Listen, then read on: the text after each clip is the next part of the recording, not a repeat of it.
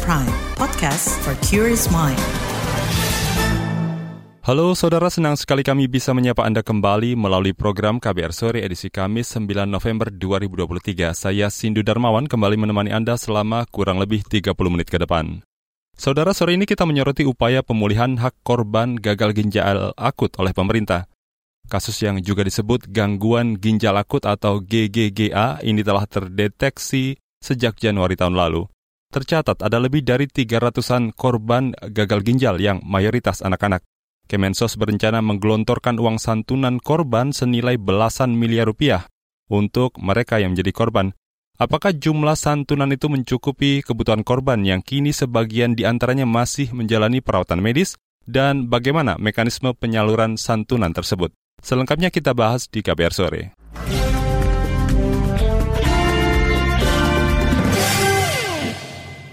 Saudara, Kementerian Sosial akan menyalurkan santunan lebih dari 17 miliar rupiah kepada korban jiwa maupun korban yang masih dirawat karena gagal ginjal akut atau GGAPA. Menteri Sosial Tri Risma hari ini menjelaskan korban jiwa akan mendapat 50 juta rupiah sedangkan korban yang masih dirawat diberi santunan 60 juta rupiah. Korban yang dirawat sebagian mengalami komplikasi sehingga harus rutin cuci darah. Korban GGAPA tersebar di 27 provinsi dengan kasus tertinggi berada di DKI Jakarta, lalu disusul Jawa Barat dan Aceh.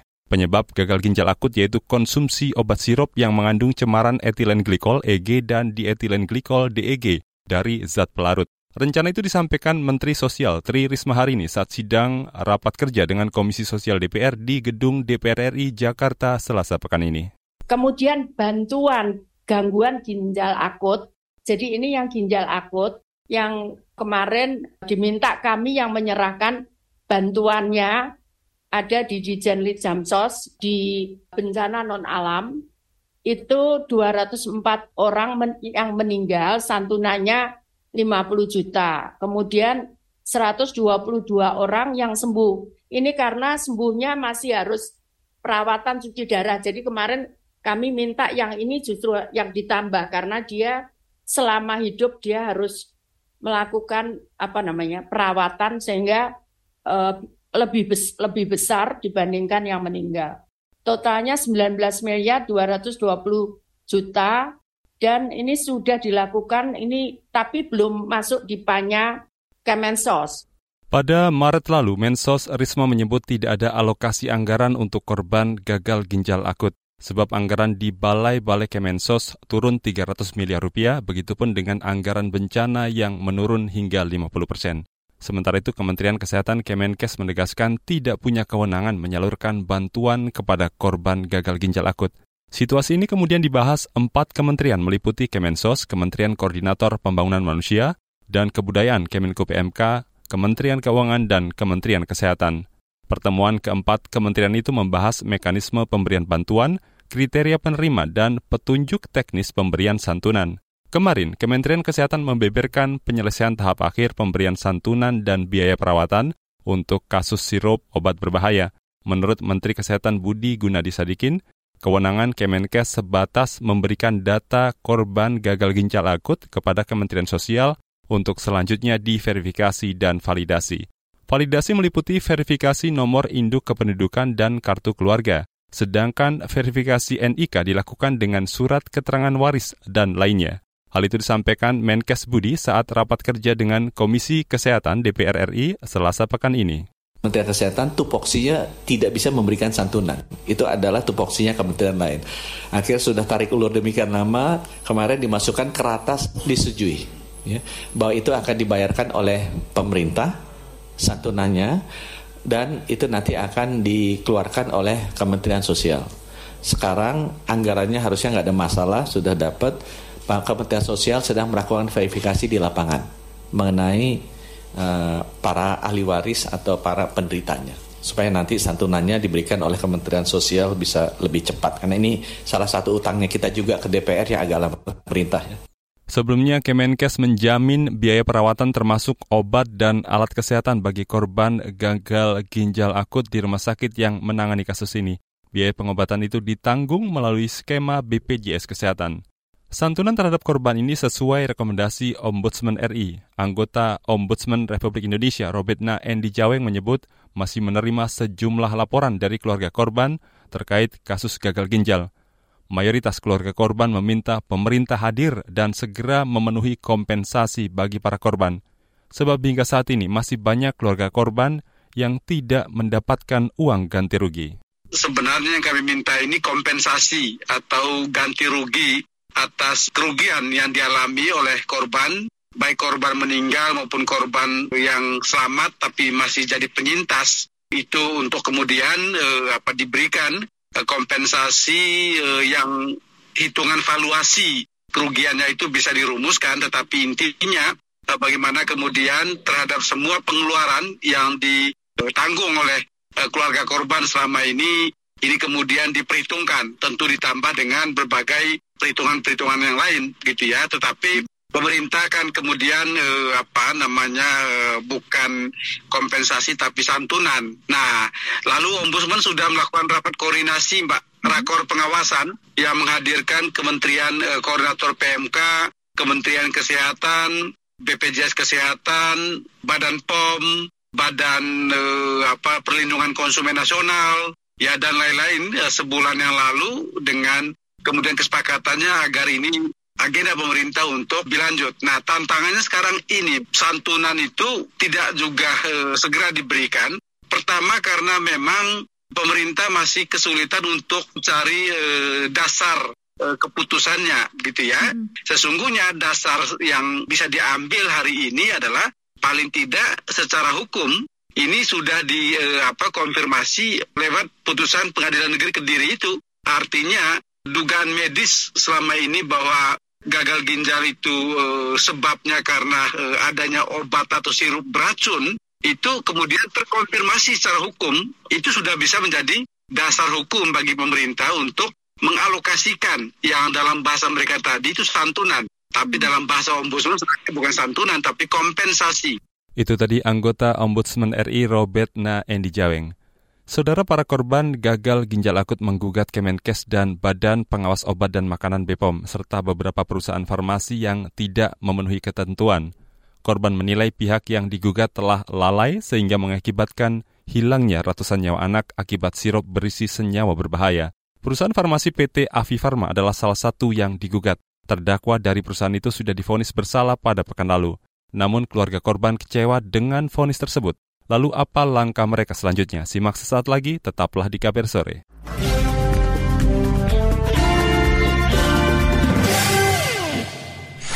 Commercial break. Commercial break. Yang baru, yang baru, yang baru. Tidak ada yang lebih baru dari kabar baru.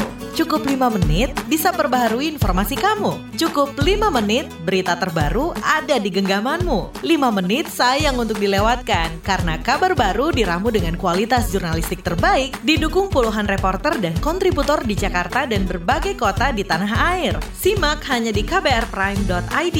Cukup search kabar baru, kamu akan dapatkan informasi teraktual dalam 5 menit. You're listening to KBR Pride, podcast for curious mind. Enjoy!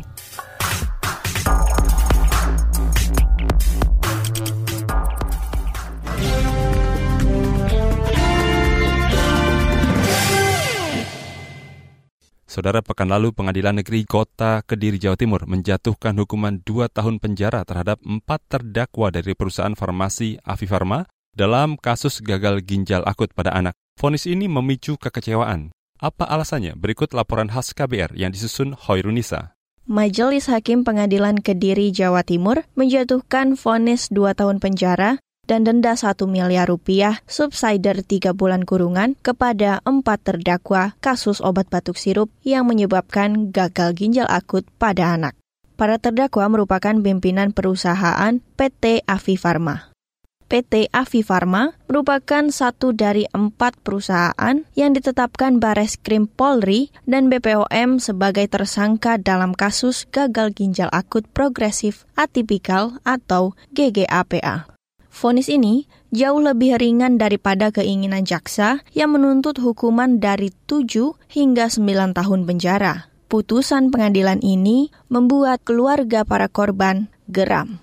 Kuasa hukum keluarga korban Siti Habibah menyebut vonis itu terlalu ringan. Padahal, kandungan bahan berbahaya cemaran etilen glikol atau EG dalam bahan sirup yang diproduksi perusahaan PT Avi Pharma menyebabkan ratusan anak mengalami gangguan ginjal hingga meninggal korban mereka menyampaikan kekecewaannya, kekesalannya atas putusan yang diberikan oleh hakim. Ratusan nyawa anak loh meninggal akibat tragedi obat beracun ini. Tetapi kenapa hukuman yang diberikan kepada korban ini sama halnya seperti sanksi yang diberikan kepada pencuri ayam maupun pencuri sandal misalnya. Ini sungguh sangat memprihatinkan ya melihat masifnya korban yang berjatuhan akibat mengkonsumsi obat sirup yang diproduksi oleh PT Avi Pharma ini. Kasus gagal ginjal yang terjadi sejak tahun lalu menimpa lebih dari 320 pasien. Sebanyak 204 orang di antaranya meninggal. Siti Habibah mengatakan seharusnya hakim menjatuhkan vonis lebih berat. Apalagi dalam sidang sebetulnya hakim menyebut para terdakwa memiliki alat untuk mengecek kandungan obat sebelum diedarkan kenapa hukuman untuk perusahaan farmasi yang menyebabkan kematian pada ratusan orang anak disamakan dengan sanksi pidana untuk pencuri ayam dan bahkan mungkin lebih tinggi kasus pidana yang dilakukan oleh seseorang yang diduga melakukan pencurian ayam. Hal ini menambah pesimistik di hati para masyarakat bahwa mereka saat ini mempertanyakan masih adakah keadilan di Indonesia.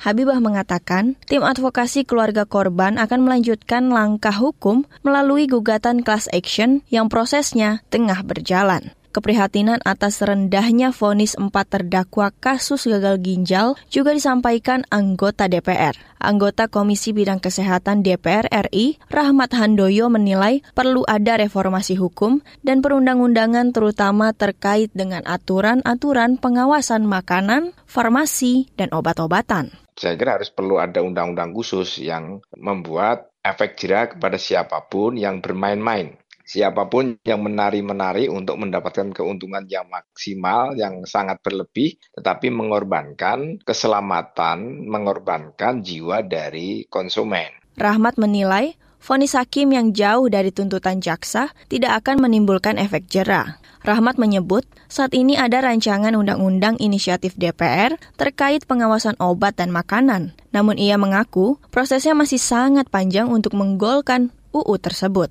Sementara itu, Ombudsman RI meminta pemerintah dan perusahaan tidak lari dari tanggung jawabnya dalam kasus gagal ginjal pada anak. Anggota Ombudsman RI, Robert Naendi Jaweng, menilai pemerintah tidak terlihat serius dalam menangani kasus gagal ginjal yang menewaskan ratusan nyawa anak Indonesia. Tentu perusahaan-perusahaan ini berada di bawah pengawasan pemerintah. Karena mereka tidak mungkin beroperasi tanpa izin pemerintah dan tanpa pengawasan pemerintah. Nah, di sinilah eh, apa kaitannya kenapa ombudsman meminta pertanggungjawaban pemerintah ya yang lalai atau abai dalam mengawasi produksi dan distribusi tadi. Pemerintah tidak bisa lari dari eh, tanggung jawab itu. Nah, dalam konteks ini tanggung jawabnya adalah yang kami sampaikan lewat apa? Lewat kompensasi atas kerugian yang diderita oleh eh, korban. Anggota Ombudsman RI, Robert Naendi Jaweng, juga mendesak pemerintah segera menetapkan kasus gagal ginjal ini sebagai status kejadian luar biasa atau KLB. Saya Pak sampaikan kepada pemerintah sesuai dengan hasil pemeriksaan ombudsman tadi bahwa ini harus dianggap sebagai kejadian luar biasa KLB. Nah, karena kejadian luar biasa kita meminta agar respons pemerintah itu itu diperkuat. Demikian laporan khas KBR, saya Hoirun Nisa. Itu tadi laporan khas KBR mengenai kecewa vonis ringan kasus gagal ginjal anak. Kita kembali ke topik utama. Saudara sebagian kalangan anggota wakil rakyat di DPR menilai anggaran untuk santunan korban gagal ginjal akut tak sebanding dengan penderitaan korban. Lalu apa saja rekomendasi dari DPR terkait pemenuhan hak korban? Nantikan informasinya sesaat lagi.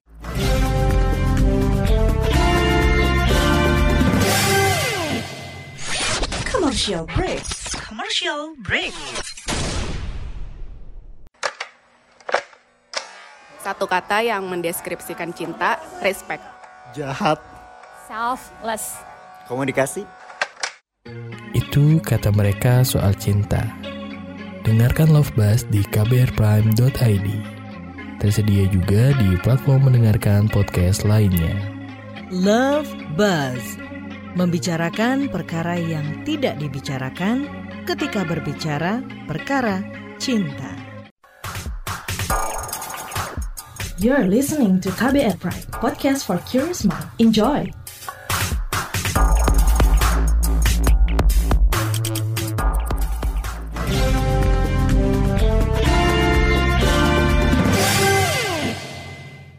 Anda masih di KBR Sore. Saudara anggota Komisi Sosial DPR Iskan Kholbalubis mendorong pemerintah memastikan alokasi dana untuk korban gagal ginjal pada anak tepat sasaran dan sesuai kebutuhan. Selain itu, ia menilai total alokasi 17 miliar rupiah masih terbilang sedikit jika menimbang penderitaan serta banyaknya kebutuhan bagi korban yang masih hidup. Lantas apa usulan DPR untuk penanganan dan pemenuhan hak korban gagal ginjal akut anak? Berikut wawancara jurnalis KBR Astri Septiani dengan anggota Komisi Sosial DPR Iskan Holbalubis. Mensos kemarin telah mengajukan tambahan anggaran gitu ke DPR salah satunya untuk santunan korban gagal ginjal akut pada anak. Dengan begitu total bantuan dari pemerintah dialokasikan senilai 17 miliar rupiah, begitu 50 juta untuk korban yang meninggal dan 60 untuk yang masih hidup. Bagaimana pendapat Anda Pak? Apakah e, nominal tersebut sudah mencukupi begitu untuk para korban? Jadi gini, jadi kalau dalam menentukan anggaran itu bagusnya buat dulu studi data yang lengkap. Karena kalau anggaran 17 miliar itu kalau disesuaikan dengan data yang sudah cuci darah apa apa cukup ya kan? Nah, jadi harus tahu dulu berapa sih orang yang cuci darah akut itu. Yang pertama. Terus yang kedua, uh, bantuan itu ya untuk orang yang sedang sakit. Tapi kalau orang sudah meninggal kan nanti bantuannya bantuan apa namanya? Bantuan berarti keluarga yang ditinggal ya kan. Nah, itu harus ada hitungannya seperti apa. Justru mungkin yang dibutuhkan sekarang adalah sebenarnya pemerataan fasilitas kesehatan. Biasa di kabupaten-kabupaten juga belum ada fasilitas cuci darah Nah, jadi mahal itu dulunya karena fasilitas cuci darahnya di kota besar gitu kan. Nah, itu yang harus disiapkan oleh dan itu sudah tupoksinya Kementerian Kesehatan kan, kesehatan. Jadi menurut saya anggaran 17 itu kecil kalau dibandingkan dengan uh, penderitanya itu berapa datanya di Indonesia. Tadi Anda sempat menjelaskan juga soal kebutuhan yang mungkin berbeda-beda begitu yang dirasakan oleh para korban. Lantas bagaimana untuk memastikan pemberian santunan atau bantuan tersebut tepat sasaran dan sesuai eh, dengan kebutuhan? Menurut saya itu jelas dulu berapa berapa itunya, berapa jumlahnya. Jadi jangan modelnya istilahnya gagah-gagahan doang, kan harus jelas datanya. Terus kalau diumpamanya gitu, apa yang dibantu? Terus kalau biaya itu dua kali seminggu dia kan apa? Nah, untuk dibantu apanya? Jadi waktu saya bagus kegunaannya, kegunaannya dan kebutuhannya itu di apa? Dan bagus berkoordinasi dulu dengan Kementerian Kesehatan. Nanti pasti punya data kan. Kalau banyak orang meninggal 60, 50 juta itu apa namanya? Kalau santunan kan nggak perlu sebesar itu kalau santunan orang meninggal mungkin berapa juta kan gitu kan. Namanya santunan nah, kalau dia tidak mampu berarti ada program PKH kalau anaknya nggak sekolah ada kartu indonesia pintar gitu. Saya khawatir nanti uang itu double double anggaran gitu kan. Jadi kalau dia umpamanya uh, kena penyakit uh, ginjal akut tupoksinya yang mana bukan ginjal akutnya tupoksi dia ginjal akut itu kan tupoksinya kayak ini kan tapi beli apa gitu kan itu yang jelas saya nggak nggak ini tepat guna gitu ya ya Lalu bagaimana mekanisme penyaluran bantuan yang ideal menurut Anda? Tapi kan siapa pun dia, kalau namanya pengobatan itu sudah ditanggung oleh BPJS semua kan. Kalau diumpamanya dapat PBI, udah otomatis PNS. Tapi kalau diumpamanya uh, orang yang tidak mampu tapi belum ada kartu BPJS-nya, biasanya kan mereka uh, ngurus dulu kan, ngurus ya tiba-tiba dia bayar kalau dia memang itu, baru nanti semua ke kebutuhan apa cuci darahnya itu kan sudah ditanggung oleh BPJS, gitu. YKN lah ya. Tuh, maksud saya ya itu dulu apa uh, analisa kebutuhannya jelas dulu. Kalau 17 M itu mana mana SMA paling berapa orang lah itu kan? Berapa ratus? Padahal Indonesia kan besar. Justru yang mendesak sekarang Indonesia itu adalah fasilitas kesehatan untuk ah, dia kan harus ada petanya. Di kecamatan kabupaten ini berapa? Berarti di kabupaten ini sudah cukup ah, sudah saat ada satu ya kan? Walaupun tidak di setiap kecamatan tapi di kabupatennya. Jangan sampai umpamanya di ya, di Sumatera Utara dia harus orang ke Medan. Berapa biaya dia ke sana kan? Gitu kan. Uh, kalau memang itu dibutuhkan ada datanya ya nggak apa-apa orang itu butuh uang transportasi dari desa ke sini sekian dua kali seminggu paling sekian apa gitu kan uh, wajar lah itu tadi wawancara jurnalis KBR Astri Septiani dengan anggota Komisi Sosial DPR Iskan Holbalubis. Saudara sebagian keluarga korban mengingatkan bentuk pertanggungjawaban atas kasus gagal ginjal akut tidak berhenti pada pemberian uang santunan. Lantas apa harapan korban agar pemerintah dapat memenuhi pemulihan hak korban secara menyeluruh? Nantikan wawancara dengan salah satu orang tua korban gagal ginjal sesaat lagi.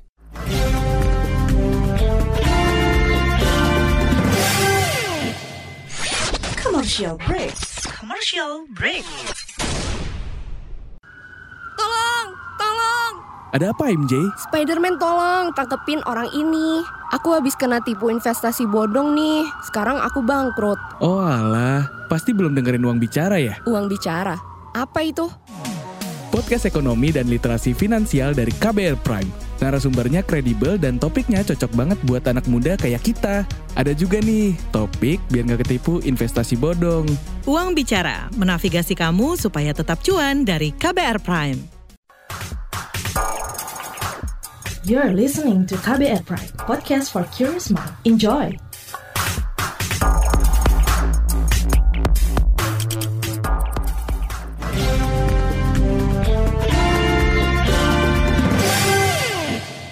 Anda masih mendengarkan KBR Sore. Saudara, keluarga korban meninggal gagal ginjal akut GGGA menilai santunan pemerintah tak dapat mengembalikan nyawa anaknya. Karenanya ayah salah satu korban bernama Pang Hegar Bumi, yakni Habibi, meminta pemerintah bertanggung jawab penuh atas peristiwa yang menghilangkan nyawa anaknya. Lalu apa saja harapan keluarga korban? Apa bentuk pertanggungjawaban pemerintah sepanjang setahunan ini? Selengkapnya simak wawancara jurnalis KBR Ardi Ridwansyah dengan Habibi. Rencana kompensasi dari pemerintah kan senilai 50 juta untuk korban jiwa dan 60 juta untuk korban sembuh yang menjalani perawatan. Kalau menurut Betul. Bapak sendiri, apakah itu cukup, Pak? Oh, kalau untuk yang dalam perawatan sih saya rasa itu masih jauh lah ya. Karena itu kan kompensasi itu sebenarnya bukan untuk mengganti itu, Mas. Sebenarnya kompensasi itu harusnya diberikan ya uh, pada saat kejadian tahun lalu. Kalau sekarang mah ya emang udah kewajibannya sih kalau menurut saya itu masalah cukup nggak cukup itu kan apa ya nggak bisa diganti lah mas. Kalau cukup nggak cukup apa yang udah kita uh, alamin ini tragedi ini apalagi yang meninggal ya diganti dengan uang berapapun itu nggak akan pernah cukup. Nah untuk yang masih dalam perawatan ini ya gimana ya dalam setahun ini kita udah orang tua ini udah ada yang ninggalin kerjaannya, dia harus apa lebih lebih harus lebih meluangkan waktu lagi untuk untuk untuk berobat ke sana kemari itu yang dalam seminggu bisa lima atau tiga atau lima kali. Nah, itu kan nggak bisa dihitung dengan nilai berapa itu. Sejauh ini kerugian yang dialami itu uh, apa saja sih Pak bisa dijelaskan mungkin uh, misalnya dari uh, pengobatan atau perawatan cuci darah dahulunya seperti apa dan mengeluarkan sampai biaya berapa gitu Pak?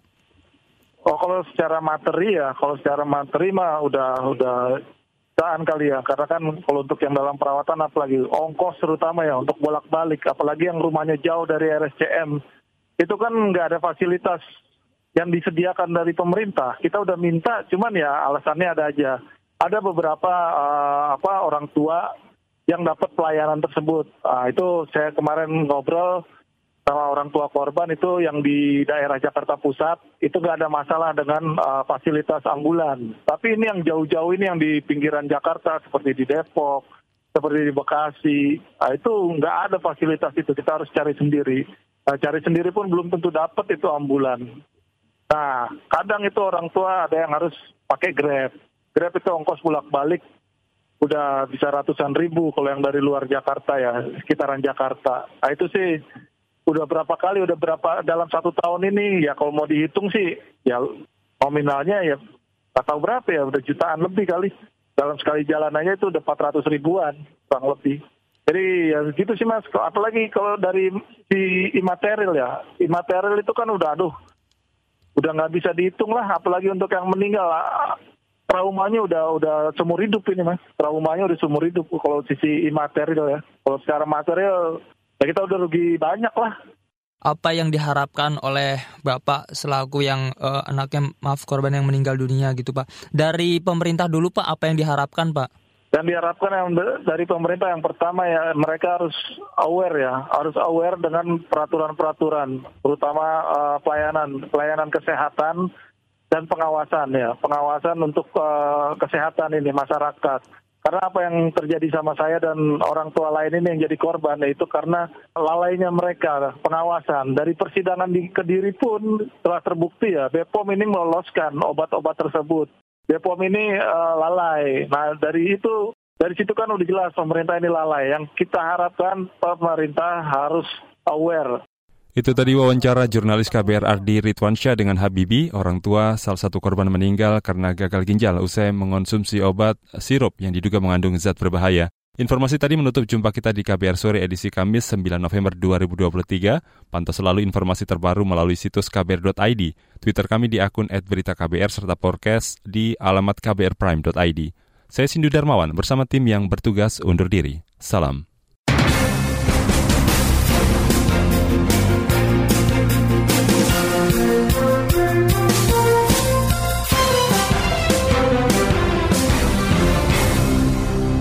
KBR Prime, cara asik mendengar berita.